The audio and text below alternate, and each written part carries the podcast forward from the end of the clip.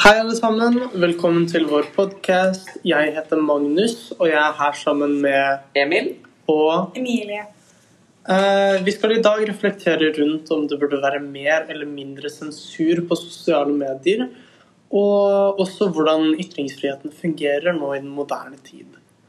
Siden det er så mange som bruker sosiale medier i løpet av en dag, eller det er ekstremt mange mennesker som bruker sosiale medier generelt, så er det jo åpenbart eh, veldig mange forskjellige ting som kommer der ute på nett.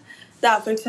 330 millioner Twitter-brukere, og det er 500 millioner tweets som blir tweeta eller lagt ut hver eneste dag. I 2016 var det 303 millioner tweets som ble lagt ut hver dag. Så det har økt med sånn 200 millioner tweets i løpet av bare noen få år. Og det kan virkelig påvirke eh, Det kan virkelig påvirke hvor mye sensur vi trenger. Ja. Uh, ifølge kilden min oberlo.com så er 66% av alle Twitter-brukere menn. Uh, og hvis dette er sant, så kan jo det føre til at uh, Twitter blir veldig mye mer fra menns perspektiv, som kan føre til sexisme eller seksualisering. Noe som vi da ikke har lyst på på Twitter. Eh, noe annet, eller ja, en annen eh, nedside med sosiale medier er at det kan bli veldig mye hatytringer. Eh, hatytringer er da altså eh, hatefulle ytringer som blir spredt, gjerne på sosiale medier.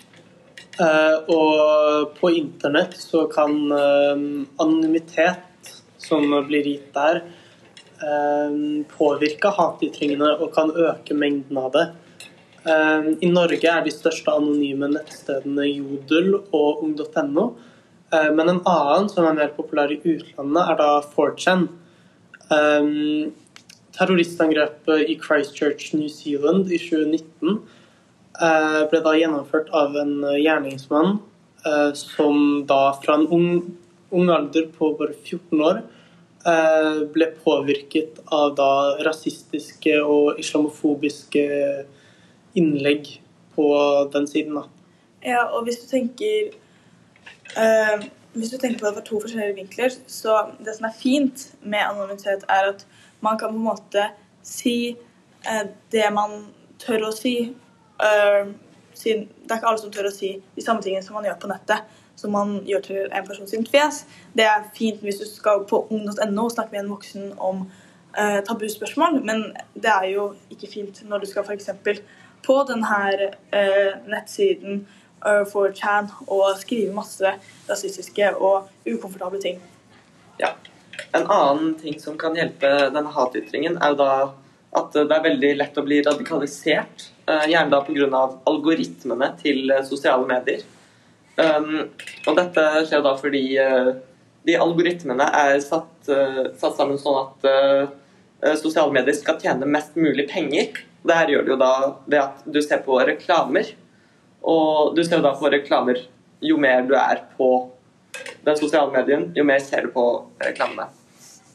Og da prøver de jo så klart å holde deg der, sånn at de kan tjene mest mulig penger på deg. Um, og måtene de gjør det på, er jo eh, ved å da gi deg mer og mer ekstreme innlegg. Eh, ja, og et eh, biprodukt av eh, de, de algoritmene, da, eh, det har eh, ført til eh, noe som nå nylig blir kalt fake news. eh, som da er falske nyheter, rett og slett. Eh, falsk informasjon som sprer seg skikkelig raskt gjennom spesielt Facebook, hvor eh, gamle folk spesielt blir utnyttet. Mm, Og tingen er på en måte at Facebook de klarer ikke å se forskjell på falske nyheter og vanlige nyheter. Så som sagt, eh, algoritmen gir deg det du uh, har lyst til å se, men du vet ikke om du får ekte fakta, eller om du får uh, løgner eller misledende ting.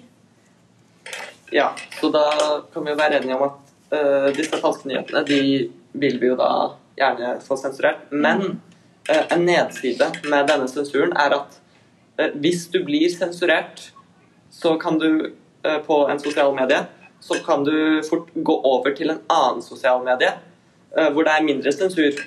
Og det gjør jo da også alle andre som blir sensurert. Noe som fører til et enda større ekkokammer og mer radikalisering innenfor det området. Og det er jo ikke bra. Og et eksempel på um, sensur uh, som har skjedd i nymoderne tid, er uh, at uh, Trump sine tweets har jo blitt sensurert. det har jo skjedd nå ca. i høst, i, i 2020.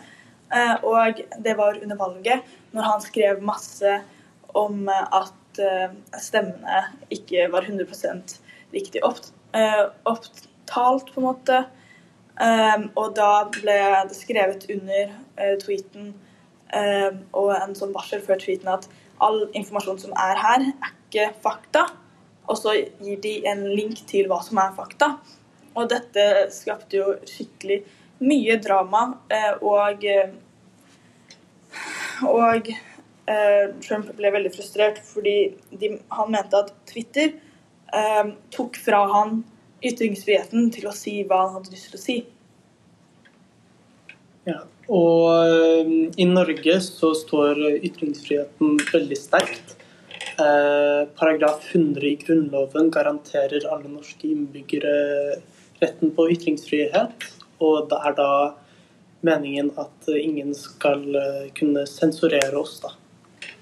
Ja, men uh, noe som da står litt imot denne paragraf 100 i uh, Grunnloven, er jo da paragraf 185 i straffeloven, uh, som sier om da hatefulle ytringer, som sier at du kan straffes med bot eller fengsel på inntil tre år hvis du diskriminerer noen pga. f.eks. hudfarge, etnisitet, religion, seksuell orientering eller nedsatt funksjonsevne. Mm. Um, nå tenker vi at i avslutningsvis um, Vi mener at um, at det er på en måte en gyllen middelvei med å finne ut hva uh, som er ytringsfrihet, og hva som er uh, hatefulle meninger. Og det kommer veldig an på hvilken person du spør. spør fordi um, mange forskjellige personer har forskjellige synspunkt, uh, synsvinkler på hva de syns er hva de syns er vanskelig å snakke om, og hva som trigger dem på en spesiell måte. Um, da tenker jeg vi er ferdige. Ja. Takk for at dere hørte på. Ha en fin kveld. Ha det.